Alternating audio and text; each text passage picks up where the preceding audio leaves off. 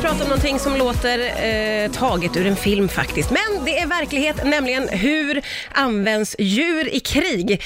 Här är jag så nyfiken på så jag håller på att spricka. Välkommen tillbaka får jag säga till Tom Arnbom från Världsnaturfonden.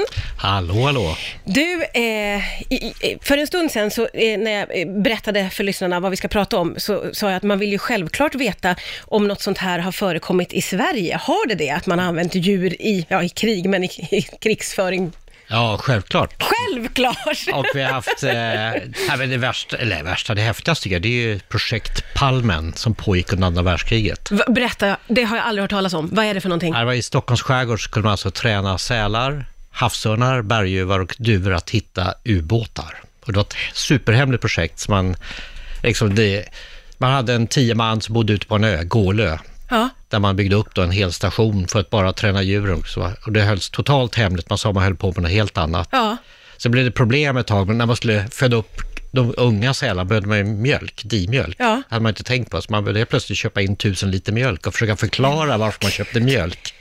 Det här är det sjukaste. Men hur gick det då? Alltså hur gick det med den här träningen? Alltså, sälar är som hundar, de är superlätta att träna. Okej, De kan bli jättesnälla och de är duktiga på att hitta grejer under vattnet, men det gick inte så bra.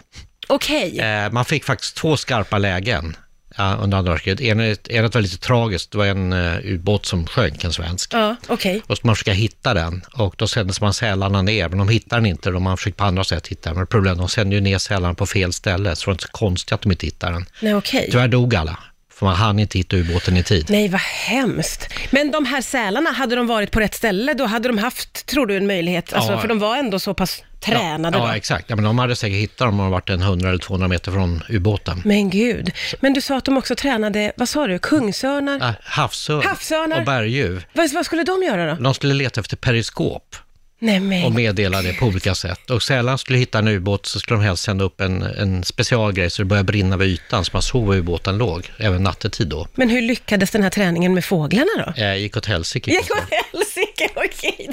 Så att, eh, eh, Kan man ens få havsörnar att bli liksom så pass tama undrar jag? ja, ja, det går ju att träna havsörnar och jaga sånt där, men jag vet inte fasen om det går att hitta bä- periskop. Men det var en bra idé i alla fall.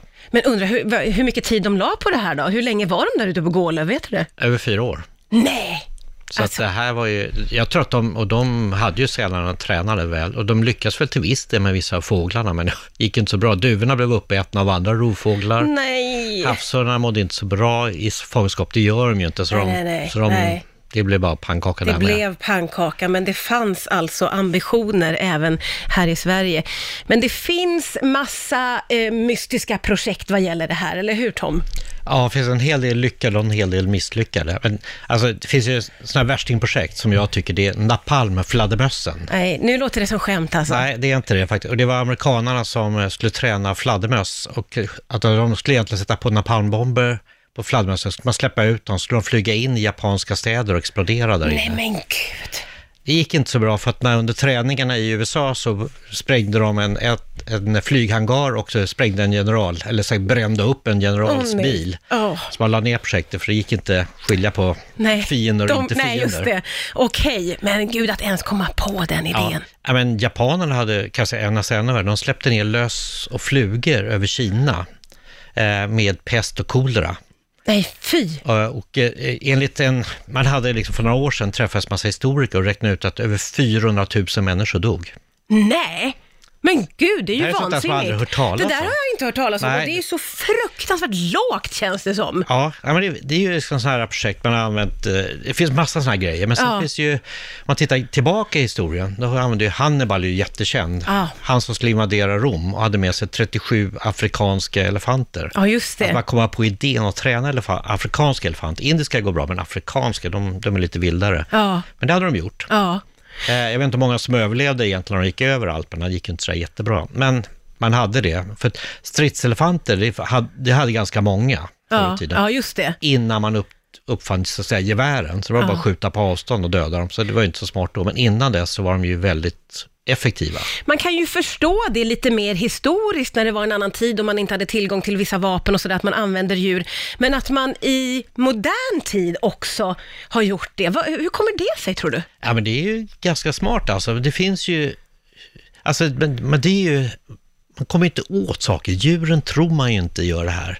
Man har liksom tänkt på om man ska sätta sprängämnen på råttor och slänga in och sådana här saker, men det har ju liksom inte funkat riktigt bra. Man gjorde det under andra världskriget med gummiråttor som låtsades vara, Nej. som man slängde in med bomber in i grejer. Nej, men att de inte skulle gud. upptäcka dem i början. Ja, ja, ja. Så ja. att man är, liksom, det känns som att det finns ingen gräns på uppfinningsdomen när det handlar om att eh, döda grejer. Under afghankriget, alltså Ja. Afghanistan, när ryssarna var där innan amerikanerna, så hade ju Muajin självmordsdromedarer Va? Nej, men som sluta. släppte in bland ryssarna. Nej.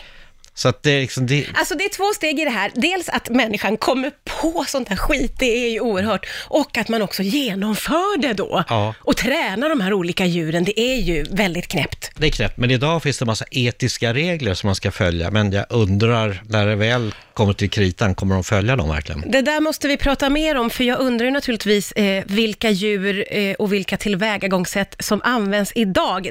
Alltså, du och jag, de gamla anorna, vi ser ju i Stockholm ser vi liksom eh, vaktparaden, hästar. Ja, ja just Det är det. inget konstigt. Kan förut vara kavallerit, men det är liksom utslaget nu kan man säga. Eh, hundar. På vilket sätt? Ja, det vi ser är vakthundar. Mm. Det vi ser är ju eh, hundar och råttor för att hitta minor. För de har otroligt sta- eh, bra eh, no- näsar. Ja, näsar, ja, ja. vad säger Ja. jag? Ja, nosen. Nosar. Ja. Så de kan ju känna jättebra doft var det finns och det kan man träna dem på olika saker. Ja, Så det använder man ju. Det använder ju tullen också för knarkan. ja just det. Eh, Men sen om man börjar gå mera utanför, det, nu hamnar jag utanför Sverige här. Mm. Eh, Sälar, valar, Val. delfiner. På, hur använder man dem? Ja, så att oftast är det delfiner är ju för att bevaka saker. Alltså om man har ett hangarfartyg så har man ju en delfinflock runt om som ser till att ingen kommer nära. Och enligt, de säger från amerikanska flottan, eller ryska flottan också, eh, är att eh, de är inte tränade för att döda, men att de är för att försvara så att säga. Okej. Sälar använder man jättemycket för att lyfta saker och eh, hjälpa dykare att bära grejer. Nej. Och eh, jag vet även att de kan kontrollera liksom, pipelines om det är bubblor och sådana grejer, så kan de se var det är fel någonstans. Men Och det gud. finns ju stora sälar, eh, som heter städers sjölejon, de väger ö- över ett ton. Och alltså, sk- de säger att de inte ska anfalla, men skulle en delfin, en liten val eller en sjölejon anfalla mig, man skulle inte ha en chans under vattnet. Inte en chans, för det går så himla fort. Men de här är alltså re- relativt lätta att träna då? Ja, det är, mycket, det är som med hundar alltså. Ja, det Och jag är så. frågar om inte valar är lättare än hundar till och med. Men, det gud. kostar ju en hel del, så man vill ju egentligen inte spränga en sån. Nej, nej, Man vill nej. kunna återanvända någon. Ja, ja, ja, det är klart det. Så, så det finns liksom ing, man kan liksom hur mycket som helst, men jag tycker det är häftigt att man använder råttor för att hitta miner. Men går de också att träna upp? Ja, det finns ju tamråttor i och för sig. Ja, men, så det är ju inga vilda råttor man Nej, får. nej, precis. Då går de ju fram och sniffar, sen så visar de på ett visst beteende att där ligger det mina. Ja. Och så får de en eh, ja, belöning på något sätt, med käken och liknande.